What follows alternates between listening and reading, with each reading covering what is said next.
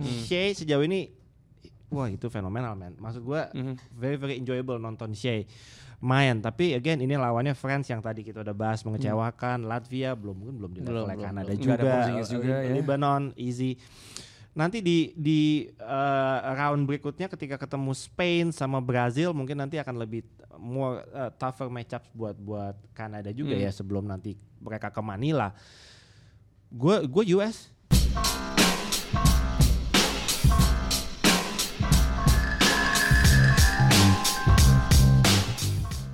What up, what up? You're now watching the most detailed basketball podcast in Indonesia, Box Out Indonesia. Kenapa deep? Because we are supported by TCL, the official TV partner of the FIBA Basketball World Cup 2023. Ini TV-nya ada TCL C645, Ini TV dengan HDR, jadi gambarnya kinclong banget, detailed banget, dan Dolby Vision yang bikin gambarnya jadi deep. So today gue mau ngomongin basket tuh yang deep deep sama analis yang deep deep. Ada Abin Rampradika. Wadip wadip. And we also got the OG of deep. Iriel. wadih. Jadi wadip ya. Anyway, anyway, kita quiz deh. Ini FIBA World Cup sudah hari keberapa sangnya? Eh, sang tujuh ya, udah udah semingguan. Em, kita sudah memasuki fase kedua yang nanti komplikasinya buat yang belum tahu akan dijelaskan oleh Abi. Oke. Um, but kita coba kilas balik dulu kali ya um, ke babak grup ya. Eh, Banyak kejutan, banyak keseruan, dan banyak kemenangan pertama historis buat negara-negara tertentu. Tapi gue kira dulu deh dari FIBA eh, dari dari fase grup ya sejauh ini A sampai H, mau yang di Okinawa Filipina atau khususnya yang di Indonesia ya, kejutan paling gede buat lo tuh apa men? Yang di Jakarta dulu ya. France lah pasti. Kejutan yang dalam artian negatif ya. Kita bukannya nggak terkejut, Abi kali yang terkejut. Kalau lihat episode sebelumnya aja nih, kita sih udah pede kan ada. Tapi anyway, continue, continue, continue. Eh, kejutan yang sangat-sangat mengejutkan juga Latvia menurut gue. ah, Oke. Oh Latvia man is not just the team, eh, tapi fansnya juga luar biasa. Karena eh, dari pertama gue nonton opening day sampai dengan hari ini semua game Latvia gue nonton. Hmm. Jadi eh, benar-benar atmosfernya luar biasa. Indonesia, eh, fans di Indonesia, Perbasi, all the FIBA World Cup yang terlibat itu mesti terima kasih menurut gue sama sama Fans fans Latvia. Latvia ya karena 2000 masanya mereka kerahkan ke Jakarta ya 2000. Jadi kalau populasinya Latvia itu udah 2 juta seper seribu orang itu lagi ada di Jakarta 0,1%. dan dan gue udah tanya mereka tidak disubsidi sedikit pun Oh nggak pakai PBN? Enggak, enggak, enggak. Itu mereka bayar pakai ongkos sendiri. Semua tiket Gile. pesawatnya, akomodasinya. Drumnya, Ya. belanja gamis di tanah abang. Nah, itunya semuanya. Sambil bawa botolnya. Ya. nasi padang. Makan nasi padangnya bayar sendiri juga tuh. itu makan nasi padang gue tuh baru ngeh ya. Itu kan sebelum melawan Lebanon ya. Hmm. Gue gak tau, lo, lo pernah olahraga habis makan nasi padang gak? Nope, never. Oke, sugesti gue adalah lo kalau makan nasi padang sebelum olahraga, lo tuh bakal agak males. Ya berat karena perutnya berat, kan. berat. Jadi mereka lawan Lebanon tuh dalam kondisi kayak gitu loh. Iya, iya. Eh, tapi itu ya, ya, gue pengen bertanya, yang makan fans atau Kayak main deh. pemain? Menu- Gimana menurut gue ya, menurut gue itu kan dari belakang ya, Ah. dari Iya. belakang. Kalau gue lihat dari tone-tone badannya, Hah? Kayaknya itu fans sih menurut gue. ya, Ah. Kayaknya karena emang semua fansnya pakai baju Sorry, tim, baju tim. Jadi Jadi ya, ya, lengkap. bakal nyaru mungkin antara Padahal itu lebih pemain atau gitu. atau fans. Tapi Oke. of nasi padang. Si Padang man. Oke. Kalau lo sebaliknya eh, Latvia for sure. Oke. Kejutan yang menyenangkan dan di lapangan juga ya. em, menga- mungkin lo bisa ngomong sedikit detail yang tentang Latvia. Eh, tadi Irel udah nyebutin soal fansnya tapi I don't think a lot of walaupun mau dibilang ini uh, grup death yang kedua, grup ya karena Prancis Latvia sama Iya, Lebanon iya, ya. iya. Cuma mengalahkan Prancis dengan dramatis. Apa yang lo suka banget yang mungkin belum cukup dibahas soal Latvia men? Di Eh, lapangan tanpa Porzingis pula. mentalitas kalau gue. Oke. Bener mungkin ke bawah dari fansnya juga ya kayak lu dua di support 2000 orang pasti it, it feels like you're playing at home gitu kan. Hmm. Kayak di Riga gitu. Em, menariknya adalah mereka tuh waktu lawan Prancis tuh Dairis Bertans cedera. Ya. Dan itu dia Dan dia udah out Ya, dia for the World out Cup. for the World Cup dan itu kayak kapten lo cedera, your best three point shoot- shooter cedera gitu. Terus itu muncul si Arthur Zagar sini. Dia tuh kalau gue telah lagi emang ternyata trajektorinya cukup bagus, yang Iya. talent, cuman sempet cedera. Main di Spanyol, sekarang lagi re- re- apa? Lagi re-emerge lagi lah dan dia jadi coming out partinya dia nih. Dia bener-bener ngel- ngelawan Spanyol, bener-bener kayak ngobrak ngabrik lah dia siapa pun yang jagain nggak bisa di ini eh lawan Spanyol lawan Prancis nggak bisa dijaga. Benar-benar kayak step backs dia bisa lari celah dia bisa dengan sabar ngelihat ngoper-ngoper ke siapa. Walaupun Latvianya ini nggak 100% ini optimal syutingnya juga they fought until the end. Bahkan sempat ketinggalan 10 poin kan tuh di Ya, awal-awal. comebak. comeback mereka. Dan maksud gua I think that's just the mentality sih. Oke, eh, mental is one thing ya. Hmm, Tapi layaknya TV TCL 645 yang punya Dolby Vision, HDR, jadi lo bener-bener bisa detail Hmm. ya, bahkan punya sports mood Iya, di iya, mana frame rate-nya tuh bikin aksi-aksi Latvia ini tidak buram ya kalau di TV ya. Terlihat Nah, coba coba lo jelasin X and O sih karena gini loh. Kalau ngomongin soal tim basketball, iya, iya. tadi juga offline kita ngomongin, Hmm. oh lu harus merhatiin Eu- Eurobasket. Talk to me about what is so good Nah. tentang permainan tim mereka lah. mereka ini eh, satu kohesivitasnya tinggi. Ya. Jadi mereka ini dari kualifikasi itu kan rekornya 11-1. Ya. 11 kali menang, satu kali kalah. Kalah cuma lawan Serbia doang waktu Jokic. Yang menarik ini adalah em, mereka itu offense-nya rapi banget. Jadi center mereka Roland Smith itu sering berada di luar three point area juga dan mereka itu off ball movement itu bagus. Jadi kalau ngeliat tuh mirip-mirip agak Golden State dikit lah ya.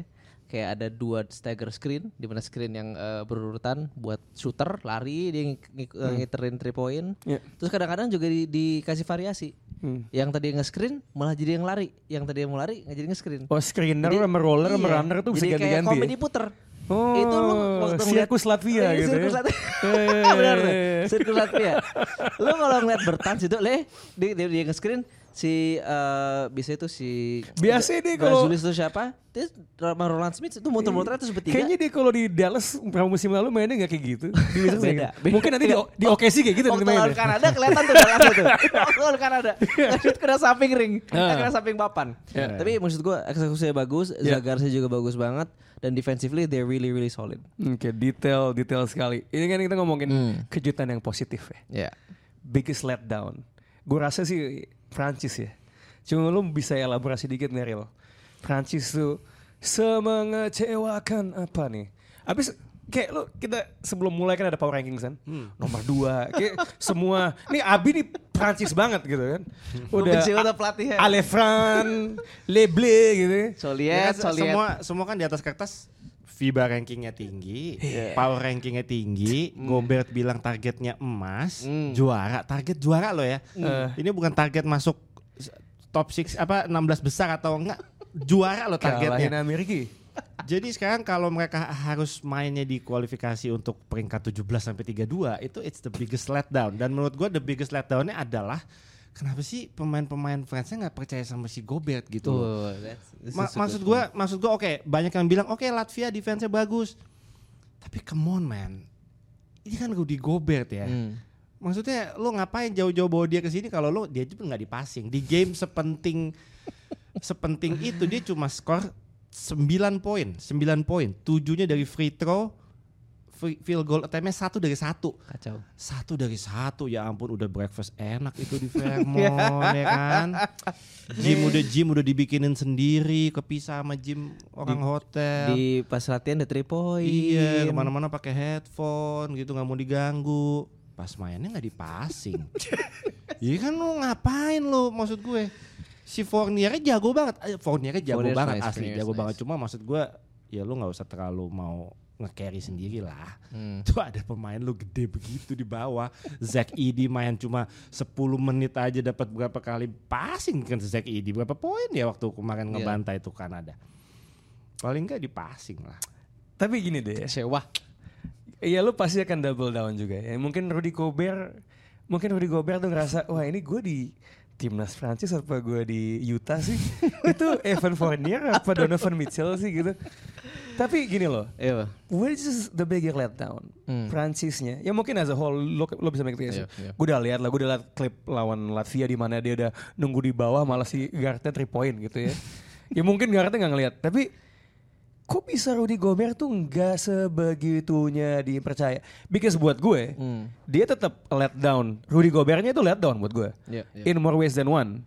Karena sang ini yang mau gue tanya nih men kayak oke lah dia nggak di fit ya. Let's just say itu systemic ya. Nah, like that. Eh, wala- walaupun gue juga bingung gitu kayak lo, lo kenapa jadi orang ini sering banget nggak dioper gitu ya. Dan gue nggak tahu apakah di interview dengan media Perancis dia mengeluhkan kenapa gue nggak dioper gitu kan. Kalau dia nggak mengeluhkan ada dua kemungkinan. Ya either dia um, menjaga hubungan ya atau mungkin dia yang kayak uh, dia nggak sadar kalau harusnya dia dia sendiri tuh dioper ya. But um, menurut gue defense-nya juga nggak bagus-bagus banget Ya. ya.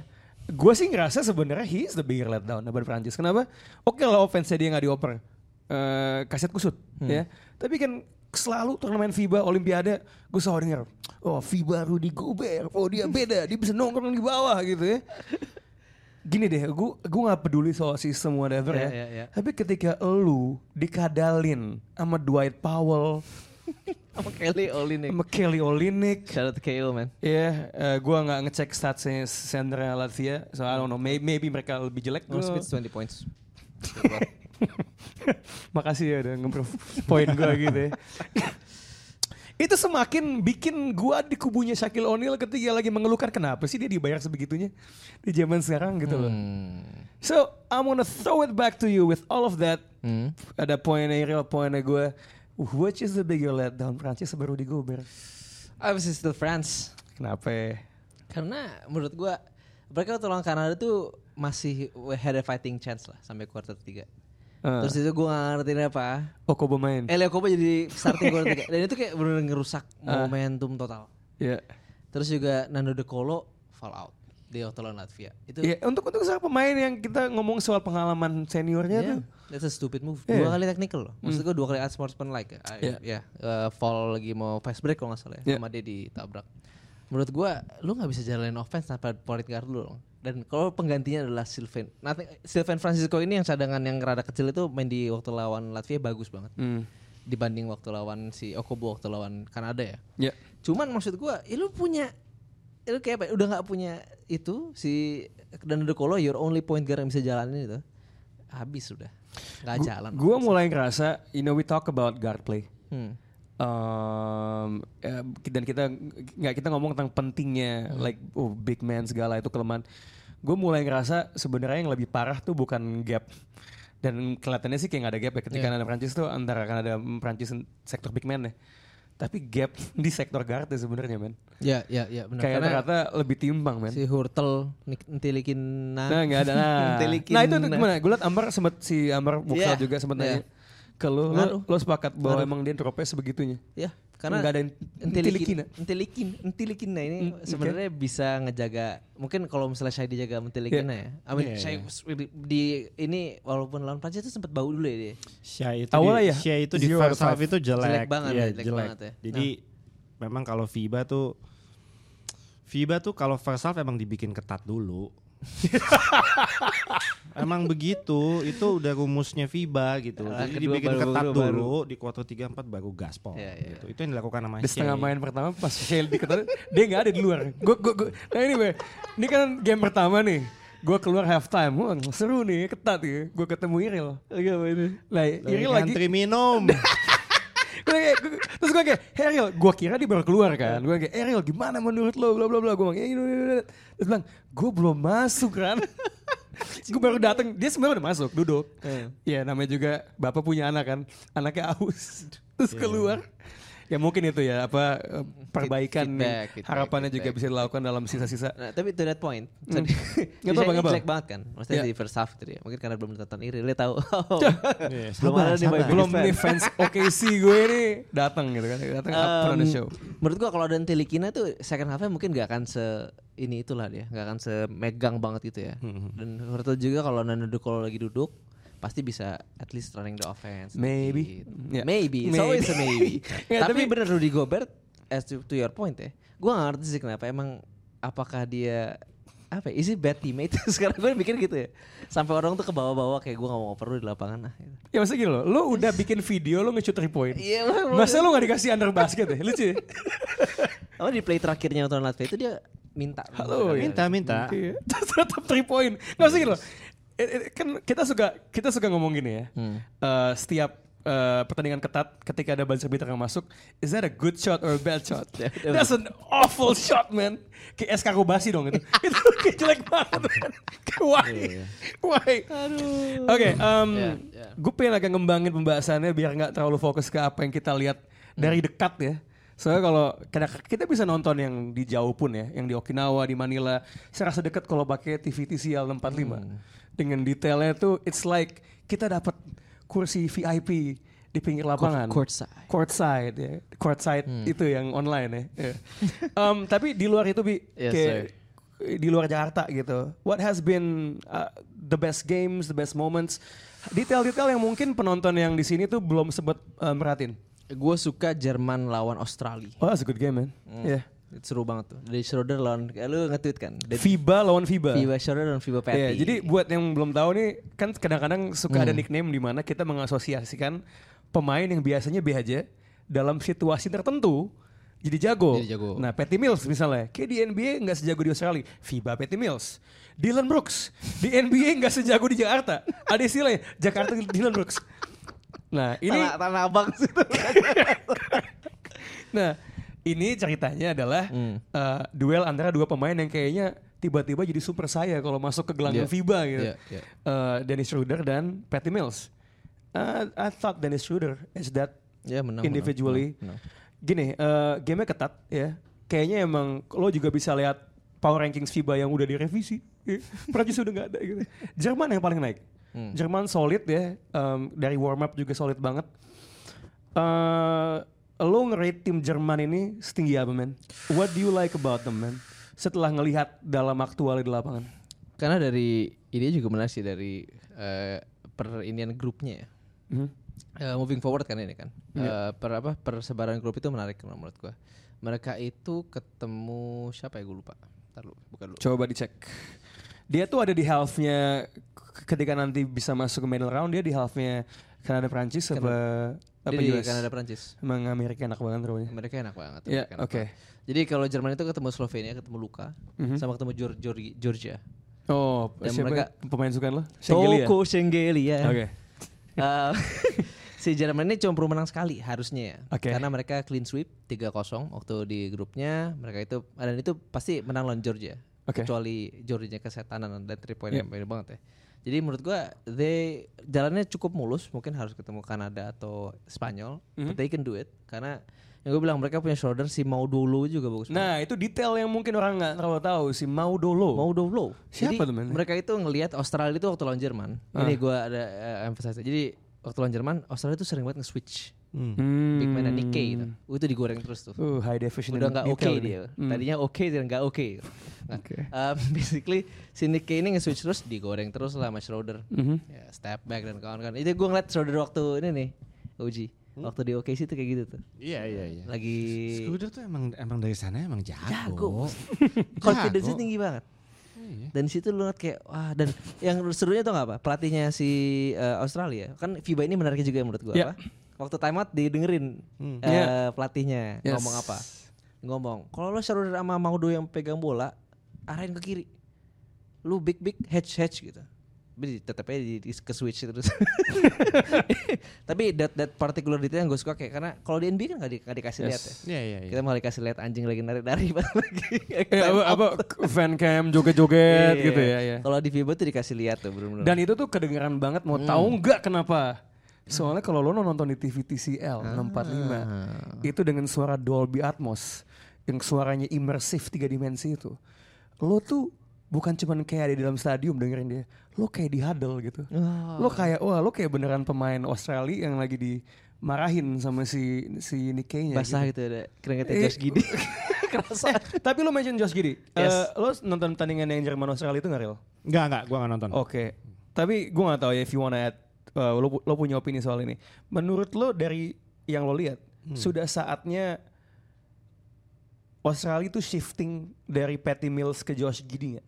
Udah lah maksud gue Josh Giddy itu kan seorang point guard yang udah modern banget ya. Secara Hmm. tinggi juga dia is a mismatch killer juga Yeah. kan, bener kan. Jadi eh gua agak apa ya dia kayaknya kemarin pas lagi um, scrimmage dan exhibition games menurut gue masih agak sedikit ngeremet tapi menurut Yeah. gue sejauh ini kalau gue lihat highlight itu dia keren man Yes, very yes, very yes. aggressive Confident. mainnya gitu confident banget jadi kalau waktu itu gue agak sedikit mengunderestimate Australia ketika pas kita waktu itu awal exhibition games ini kelihatan banget mereka mainnya udah serius banget menurut gue Iya iya iya. iya. Gitu. Ini yang yang gue rasain ya. Hmm. Dia tuh kan automatic mismatch ya.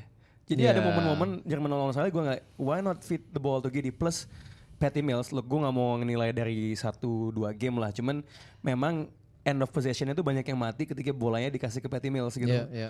I wish banyakan play yang mungkin namanya juga nih kayak dia kan nggak main waktu Olimpiade ya Giddy tuh. Dia tuh Ya, baru main belum, belum. karena lagi eh, persiapan draft waktu itu singkat gue. Um, kayaknya sih emang udah waktunya mulai transisi sih ke Josh Giddey. I mean, you, you, Ke Josh Green. Nggak, tapi maksudnya lo automatically lo punya size Yeah. mismatch siapa yang jagain gitu. Nah, eh, dia tinggi, ya. Mhm.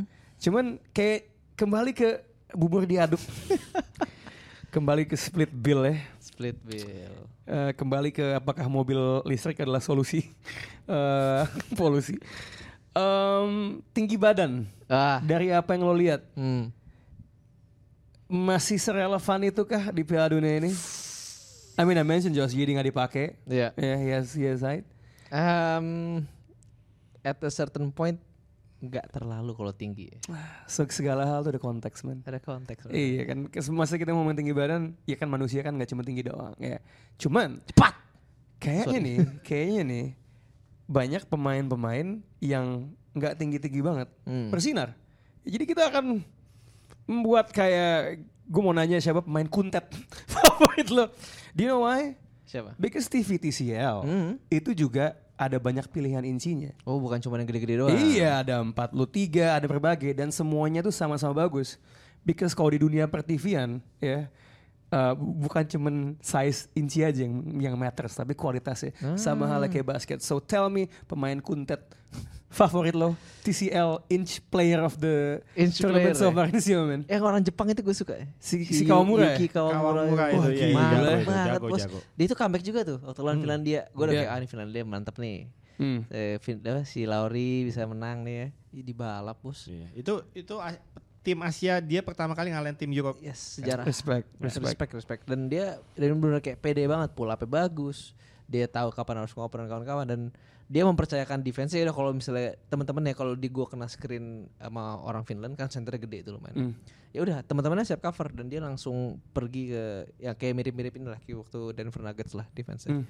Tapi that, that particular part di mana kayak oh jadi bukan cuma tinggi badan atau kecepatan juga, Hmm. kepercayaan kepada teammates lo yang penting. Ya, trust, trust. Itu yang menurut gue tim Jepang tuh dapat banget. Itu itu yang tim Prancis nggak punya.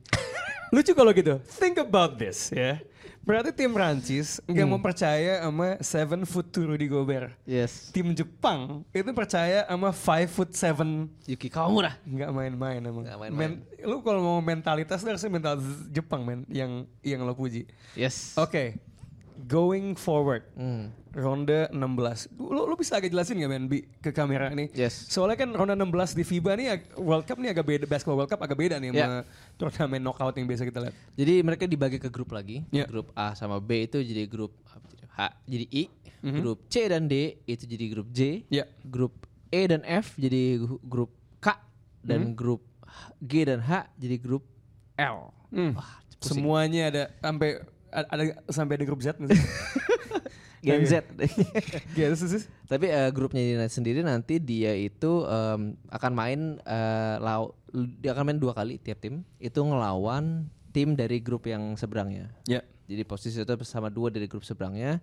Terus ketika semua tim udah main lima kali di grup itu dua paling atas di grup tersebut grup IJKL diambil untuk masuk ke quarter finals. Dan itu semuanya di Manila. enggak eh, quarter finals Iya, ya? final. Quarter finals yes, tapi kalau untuk yang grup Di sini. round itu masih ada di sini. Ya, dan di luar itu yang kalah-kalah tuh juga ada si classification game Classification ya. game. Buat nyari intinya nih semuanya yang kalah tuh udah kesempatan main lagi buat benar-benar tahu peringkatnya di mana dari 1 sampai 32 karena itu pun Yes. ada insentifnya yang terkait dengan olimpiade. Yes. So going forward, Hmm. gue rasa sih favorit lo masih Amerika ya. I think Gua Oh, lo udah ganti? gua Ganti atau enggak? ganti. Oke, sikat. Kasih Karena ada gue sekarang. Ih, nice. Aku pindah gerbong. Eh, Kamu murtad ya. Gimana coba? Itu kan kayak statement kalau orang nggak nonton Kanada, itu tuh kayak basketball blasphemy. Masa iya? Kenapa tiba-tiba lo yang tadinya ah guard play bla bla bla Prancis lo apa sih yang menuntun lo ke jalan yang benar ini? Ke jalan yang benar. oke, Eh, oke. ke jalan yang yang sesat nih. Em, gue ngeliat ini satu hal yang gue lupa itu mereka punya eh Uji Dort masih main ya? Dort kemarin dia kemarin dia cedera. kemarin dia cedera. Eh, tapi hopefully hopefully next game Masih bisa main. recover ya? Hopefully hopefully. Iya. Lu punya Dort, lu punya Brooks, lu punya RJ Barrett underrated defensively, lu punya satu hal pemain favorit gua di tim Kanada. Nikhil Alexander Walker. Uh, Sepupu yang tertinggal. Walker yang kedua. Sepupunya SGA. Iya. Um, defense itu perimeternya bagus banget. Lu ngeliat kemarin waktu si Nandekolo, Van Fournier itu babak kedua Mati Oh, man di lockdown man. Di mati, lockdown nggak bisa ngapa-ngapain itu. mati. Terus juga waktu si Latvia, oh kena tuh si Zagars, Zorik semua.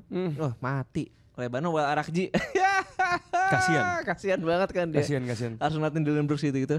Nanti menurut gua ke depannya, eh sorry, di babak berikutnya, everyone has gotta beat that perimeter defense ya. Spanyol harus bisa ngelewatin itu, Jerman harus ngelewatin itu dan sekarang kebetulan ya, yang jagoan-jagoan ya, siapa Slovenia, US, eh, Spanyol, eh ya pokoknya siapa nih, Jerman, guard semua yang jago. Itu bisa dimatiin semua. Oke. Jadi lo jadi lo merasa Hmm. kalau seandainya ketemu di final nih dengan Kanada Amerika, US. Yes. ya duel apa eh, border lah, Yeah. North, North American final ya. Meksiko kasihan banget. Kalah lagi lawan Mesir. Lo, lo ngerasa bahwa Anthony Edwards yang lo camkan sebagai pemain paling eh, jago satu turnamen. Austin Reeves. Tapi kan offline, offline dia bilang katanya Anthony Edwards. ya. Austin Reeves yang menjadi pemain seperti yang dimasuk IG-nya Iril juga Aris. paling di Aris paling dicintai di Manila gitu. Hmm. Itu akan tidak berkutik ketemu Dylan Brooks. Iya. Yes. Wah. Enggak lah, enggak berkutik, enggak saya berkutik itu. Tapi enggak berkutik. Enggak lu jangan lu jangan back down Kalau gitu. waktu lawan US, waktu lawan US, tadi kan gue sebut itu ini kan. Waktu lawan US ada satu hal yang gue perhatikan cukup unik. Hmm. US itu enggak jarang banget nembak 3 point. Hmm. Di, di di ini mereka itu rank berapa belas itu cuma 29 attempts per game. Eh sorry 26 apa attempts per game. Kanada di 30-an plus. Dan menurut gua nanti kalau di final ketemu and Canada is shooting good from long range, they don't have the mereka nggak punya amunisi buat ngejar. Gue gak yakin gue setuju sama kata lo. Gue gak tau, tapi tapi gue gue pengen tahu pendapat Irel. Do you think faktor di mana sebuah tim eh, Steve Stephen Kerr yang tidak menembak tiga angka kayak aneh ya statement sebuah tim Steph Kerr tuh tidak menembak tiga angka sebanyak itu akan menjadi faktor di mana dia akan kalah sama Kanada because feeling gue sih harusnya mereka punya amunisi untuk nembak three point yang lebih banyak daripada stats sekarang sih. What do you Yeah. think man? Eh, Abid nanti mungkin boleh tolong cek ya karena Boleh, selama gua nonton Kanada itu 3 point akurasi mereka nggak pernah bagus. 42 persen eh 42 persen. Ya terakhir gua nonton 29 persen soalnya lawan 42 Prancis persen ya? yang di game mana tuh? Game yang Iya, kemarin lawan itu ya, lawan Latvia. Cek nih. Kayaknya sih bisa dibilang Ya itu Nikhil, 3 pointnya wangi. Hmm. Eh, kalau di yang pertama kan Dylan Brooks bagus, Kelly Hmm. Olynyk juga bagus. Iya. Well, 3 point shooternya sebenarnya nggak ada yang spesialisasi memang 3 point Iya. shooter, cuma memang semuanya bisa Stabil. nembak 3 Iya. point lah ya. Ah, itu ya. Semuanya bisa nembak 3 point sebenarnya kecuali si Zach Edey mungkin. By the way sebenarnya ya, kita jujur aja, kita sebenarnya nggak terlalu nonton Kanada. Zach Edey itu pemain terakhir lah yang main lah. gue pengen mengklarifikasi di episode sebelumnya kita kayak Zach Edey, Zach Edey. Ternyata we, nggak we don't know, sih. we don't know shit. Anyway, gimana man?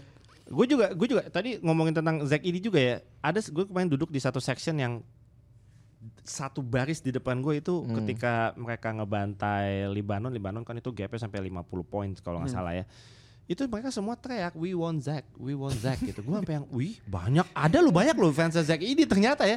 Gak ada yang pakai Ede, bajunya Purdue memang, tapi Gue ketemu, gue ngeliat maknya men di di hallway. Dia tuh keturunan ini ya. bener kayaknya Cina, ada Chinese, Chinese, Chinese, ya Chinese, Chinese. mukanya ya. Gue juga Mana ada perempuan Kanada, eh, perempuan Cina, ya, pakai baju Kanada setinggi itu in my life gue Iya, pernah lihat iya, itu. iya, iya. Hampir 2 meter tingginya. men.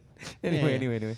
Ya jadi kalau tadi Abi ngebela Kanada, gua Hmm. I see his point. Eh, Kanada adalah tim yang bisa menantang US paling Iya, paling, paling, paling. paling, Cuma apakah bisa mengalahkan US? Gua nggak tahu. Hmm. Shea sejauh ini wah itu fenomenal man. Maksud gua Mhm. very very enjoyable nonton Shea. Main, tapi again ini lawannya France yang tadi kita udah bahas mengecewakan, Latvia belum mungkin belum di level Kanada belum. juga, ada Porzingis eh, juga, ya. Lebanon easy. Nanti di di eh, round berikutnya ketika ketemu Spain sama Brazil mungkin nanti akan lebih more eh, tougher matchup buat buat Kanada juga Hmm. ya sebelum nanti mereka ke Manila. Gue gue US. Masih US. Nggak, nggak, gue nggak gue nggak melihat yang lain bisa. Gue lompat bisa- gerbong yang lain gerbong. Pindah Enggak, gua- gerbong ke US. Ya enggak enggak. Kalau gue pribadi kan I always say the US. safe bet is always US. Yes, yes, yeah. Iya kan ada faktor lain selain kita ngomongin soal kualitas adalah kan you, you made nggak ini poin yang valid soal perimeter defense akan ada. Right? Ya, ya. Tapi SGA juga mungkin akan menghadapi perimeter defense yang terbaik yang dihadapi di turnamen ini ketika dia lawan USA. Eh, Mikal Michael, gue nggak peduli, gue belum melihat statsnya, gue nggak peduli apakah dia main di levelnya sekarang ya. Tapi US juga punya amunisi.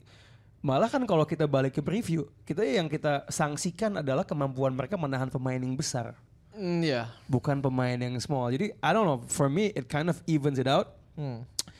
Gua ingin melihat Kanada menang, ya. Gua I can see the case dia menangin in one game for sure.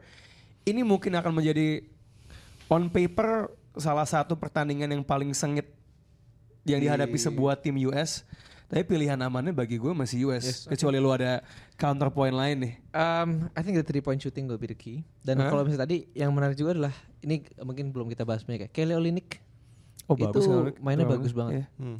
Dan kemarin tuh sempat kayak ya lebih pede dibanding main di NBA lah. Ah, I don't know why. Tapi um, lebih bagus. Terus juga dari segi decision making, passingnya juga high low. Dan Dwight Powell mainnya bukan kayak Dwight Powell itu permasalahan. Iya iya iya benar benar benar benar benar. Kayaknya kemarin pas lawan Latvia, Kelly Olynyk tuh second leading scorernya after Shea, I think. Iya. dan itu semua yang dilakukan dan dia ya mungkin faktor pentingnya selain Kelly Olynyk biar dia bisa jago gimana? Dia bungkus bakmi bawa ke sana. Eh nyet, gue tahu itu bami apa. Nyet nyet nyet nyet. Enggak, itu tuh kayaknya kalau dari gambarnya itu congsi men. Kata Iya, teman di, gue di kantor juga di, di Mangga. Besar.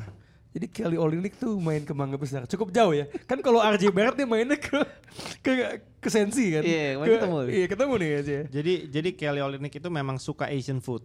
Oh. Dia memang suka Asian food. Ke mana pun dia pergi dia selalu Akan cari Asian food. Jadi dia pertama hal pertama yang dia Google ketika dia lagi lapar adalah dia nyari bakmi.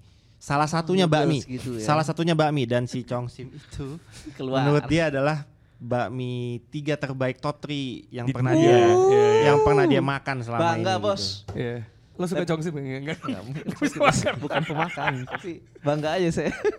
Kan, tapi speaking of Kelly Olynyk ya, ada teman gue si Randy podcast Retropus, Ah. dia gak bisa nonton basket, dia dapat tiket Kanada Lebanon. ya. Dia nanya gue siapa yang jago, gue bilang ini bakal menghibur nggak? Gue bilang ini pasti minimal 40 poin sebenarnya. Terus gue juga bilang, tapi lo akan lihat satu pemain paling skillful di dunia gitu, eh Shai. Terus pas gue bilang gimana bagus, iya pe- pemain nomor 15 juga jago, Kelly Olynyk. Yeay. Lu kalau nggak pernah ngikutin ice. NBA, lu akan ngira dia tuh jago banget From bener. the eyes. Bener bener bener bener bener. Nah, lo kan tadi ngomong soal three point sebagai sebuah kunci. By Yes, the way, kalau yes. lo nonton, I'm sorry, this is supported by TCL. Kalau lo nonton di TV TCL, lo bisa dengar suara splash. Jadi kalau uh, Kelly Olynyk masukin splash gitu, Hmm. Nickel Alexander Walker masukin splash, Hmm. lo akan mengira mereka splash brothers, man. Yes. Nah, let's talk dipikir-pikir- about another factor Oh, though, iya, sorry, sorry. yang dibahas kalau di FIBA. Tadi kan shooting, team play ada hubungannya sama coaching. Ya. Nah coaching tuh akan menjadi faktor yang sepenting apa menurut lo di babak kedua karena kita ini udah ngomong banyak soal Kanada dan. Iya. coachingnya juga menurut gue bagus si Jordi Fernandez yang mungkin Uh, akan dapat nice. job head coach dalam kita tinggal lihat aja lotre siapa yang dikat di NBA. Hmm. Um, coaching, I think now I, I can say kalau Spain is probably better than France, no? No, oke thank you. Yeah. Uh, coachingnya Spanyol tuh bisa sejauh mana ngerepotin Kanada kalau kedua tim ini ketemu? Uh, interesting. Um, yang bagus dari Scarello tuh dia bisa tahu ke- kekuatan tim lain itu apa Iya. dan dia balikin. Oke. Itu menurut gue yang bagus. Dia planningnya bagus. Kalau in game gue nggak terlalu ngeliat bisa ini ya kayak misalnya let's say at the level of Steve Kerr atau apa. Tapi Yeah. at at game lain tuh bagus banget. Dan kayak dia tahu oke mereka mainnya kayak gini, gue akan bikin situasi di mana lu akan sulit di zona nyaman lu. Kayak kemarin waktu Brazil tuh benar-benar kayak Brazil tuh suka banget ngedrive ke dalam kan, because Yeah. they have speed and they have caboclo. Bruno Caboclo, mereka disuruh oke, gue akan ngirim help, lu silakan kick out ke teman lu yang di corner atau apa, beat us with your shooting. Dan bau ya, dia lost. Walaupun kita ngomongin Brazil dari poinnya wangi, Spanyol tuh benar-benar bikin dia bau. Yes. Feel gue kalau nonton Spanyol, gue gak tau kalau gimana real ya. Walaupun main bintangnya nggak kayak di Spanyol Spanyol sebelumnya ya. I mean Garuba tuh mainnya Garuba. hustle sekali ya, sampai dia Sayang satu kena tuh, technical yang nggak penting tuh. Dikat OKC. Oh dikat jadi Udah jatuhnya. di wave, udah di wave. Udah di wave ya. Ya, sebelum Mungkin FIBA mulai dia like two days before dia di wave. Tuh, kayak. jadi motivasi tuh. Ini jadi audisi gue buat dapetin. iya. Tapi gue kalau ngeliat Dikat Spanyol, Usman Garuba dikat mau ngambil Omri Spellman kayaknya. Waduh. aduh, Omri Spellman lu lihat dong badannya gempal-gempal tuh tapi ngeri mainnya men. wah. Enggak, enggak gue bilang ke dia juga. Omar Spellman kan gini, pertandingan pertama Latvia Lebanon, gue tuh cuma nonton kuarter keempat kan. Pas dia masuk, three pointnya semua masuk. Iya, gua jadi gue kayak "Hmm, lucu juga gitu, dia jago.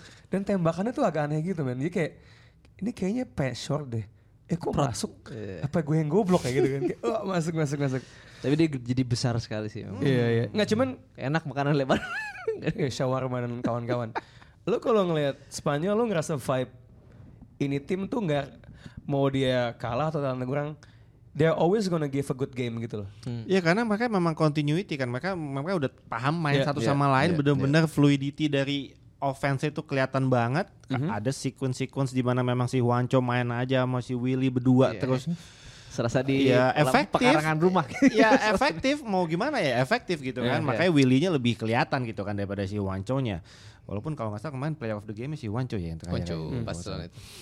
Eh, tapi emang Spain ya itu tipikal Spain lah ya Iya. Ya emang mainnya kayak begitu, iya. rapi banget mau mau mau lawan siapa pun ya. I think they're gonna put a good show sih sebenarnya. Apa kuncinya dia bisa ngalahin Kanada menurut lo man? Eh, it's gonna be the play of the playmakers. Kan dari awal kita ngomong kita nggak percaya sama playmakernya kan. Rubio nggak ada, Lorenzo Brown nggak ada. Si yang masih siapa Nunes? Juan Nunes. Nunes. Darwin Nunes. Enggak, Juan Nunes. Masih muda 19 tahun. Mereka dia mau masuk NBA tahun depan harusnya. Semoga di draft. Eh, tapi dia mainnya bagus, komposernya bagus. Nggak se-flashy Ricky Rubio waktu muda. Waktu di Olimpiade Beijing ya. itu ajaib banget. Jago banget situ man. Tapi Nunes ini game manager lah. Hmm. Gue is a good, is a- dan dia kelihatan kesukaan Ascariolo. Cuman waktu kemarin lawan terakhir itu Jelek kan- mainnya. Ya, si Scarlett jelek. juga bilang kan.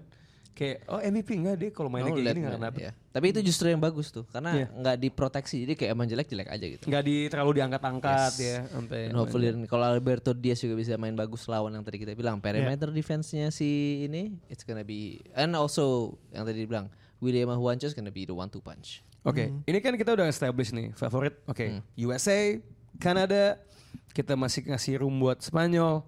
Kuda hitam di babak-babak selanjutnya Jerman for sure. Mhm. Australia gimana going forward? Atau ada ada tim yang kayak what's the hipster choice? Pilihan yang paling paling gak aman lah. Paling nggak aman ya. Iya. Hmm, Slov gue masih Slovenia sih. Slovenia. Yes. Luka mau punggungnya udah patah. Yes. Oh sama lagi Serbia. Tapi Serbia ini sangat ber- bergantung pada three point. Oke. Hmm, Itu yang gue oke gak terlalu suka tuh sebenarnya. Hmm. Jadi kalau kata Kanada three pointnya bagus, tapi ada balance juga. Mid range shy, Allah kagak ada obatnya bos. Kemarin Zagars dibikin Ya udah, skate man. Dia, sebelah. dia pasti akan bisa menciptakan space man. nah, Selalu selalu. itu dia. Tapi Serbia nggak ada. So they, mereka Jovic Jovic perfect ya. salah Jovic satu jago, pemain Jovic paling jago. Pemain mengejutkan. siapa tuh. Jokic man? Ada Jovic man. Cuman itu paling cuma Slovenia I think if you if you eliminate the the the the, the true contenders, it's gonna be Luka. Kita ngomongin soal three point, coaching, um, kalau dalam kasusnya Luka a transcendent star player ya. Ada yang feel highlight satu tuh. Apa? Dia ngedrive, Aha. terus waktu ngedrive dia, eh, lawan itu ngelihat bahwa eh, lawan itu ada yang mau mau ngeblok dia Iya, ada help dari juga, iya. Tapi sama dia di body yang lagi jaga dia, nabrak yang lagi mau help. Oh itu, itu gue sebenarnya agak ngeri loh ngeliatnya. Iya, soalnya, serem memang. Soalnya tamparannya tuh sampai kayak Pas lagi loncat, balik gitu kan. Tapi ya Allah itu keren banget luka di situ. Itu gini, itu adalah contoh otot itu bukan masalah kering sebenarnya kan. iya gak sih?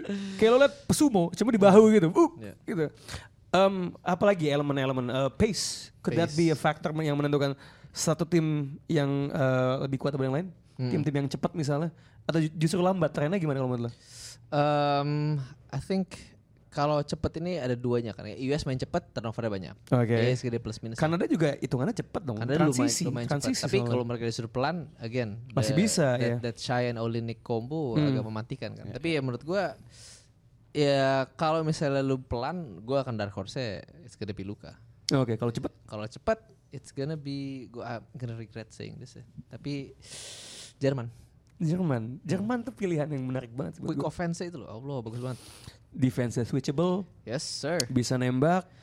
Dan tapi gini, satu hal yang mungkin faktor X itu Franz Wagner kalau bisa sehat, Oke, kan oke, naik. ankle kemarin dia kan. Ya. Cuma tim tuh mau main pelan, mau cepat, tidak akan buram.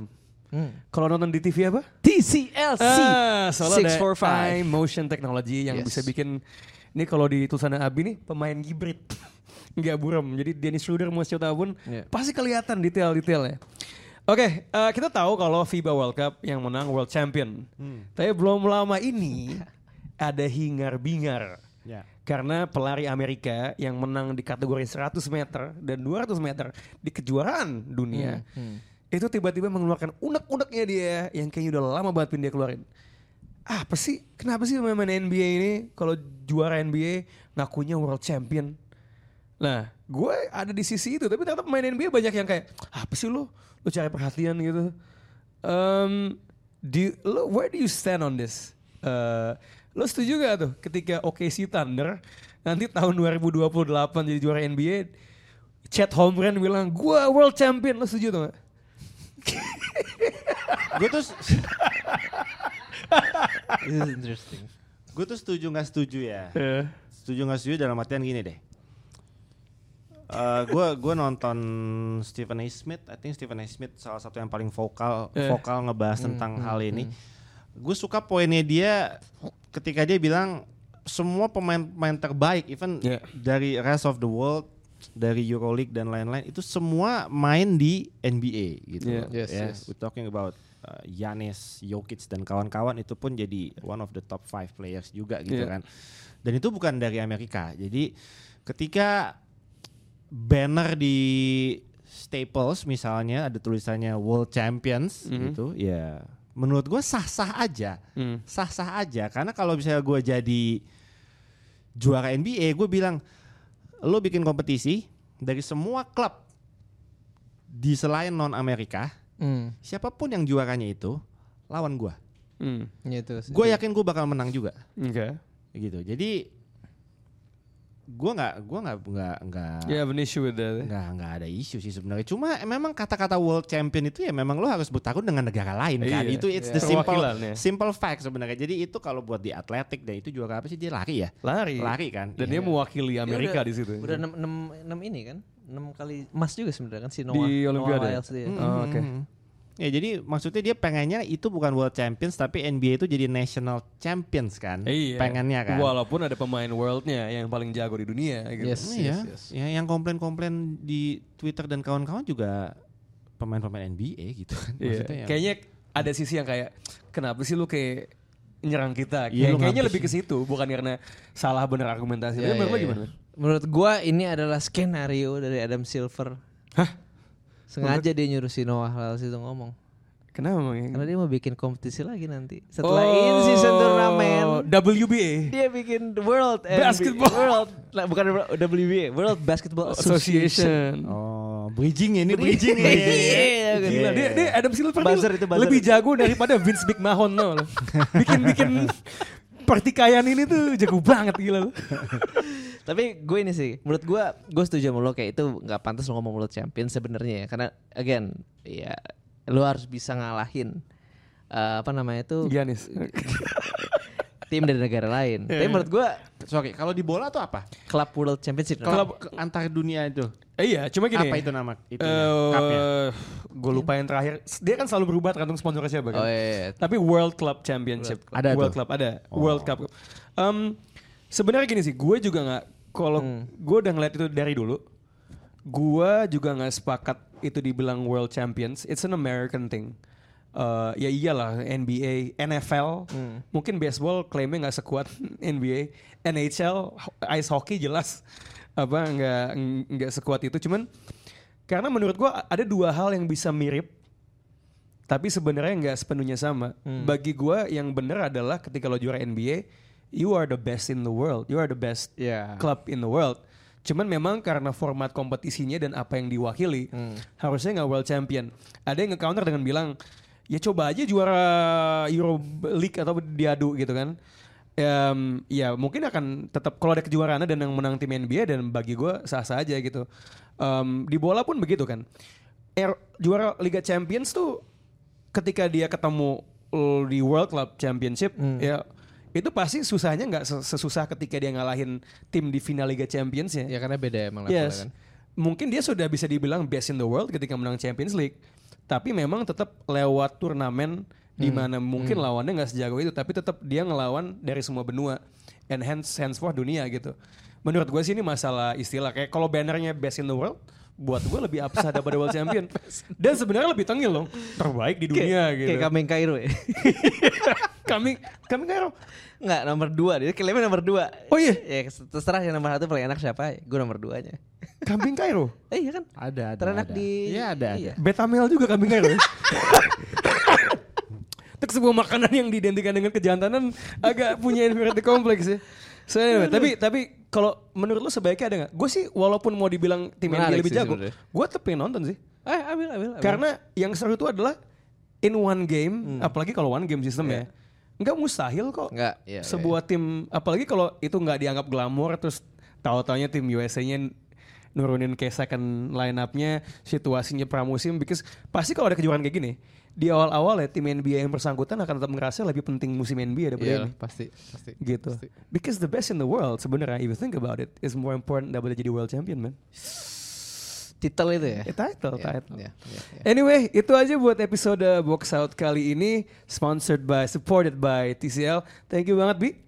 Uh, thank you banget, OG. This is Box Out and we out. But if you wanna watch us again, jangan lupa di TV TCL aja.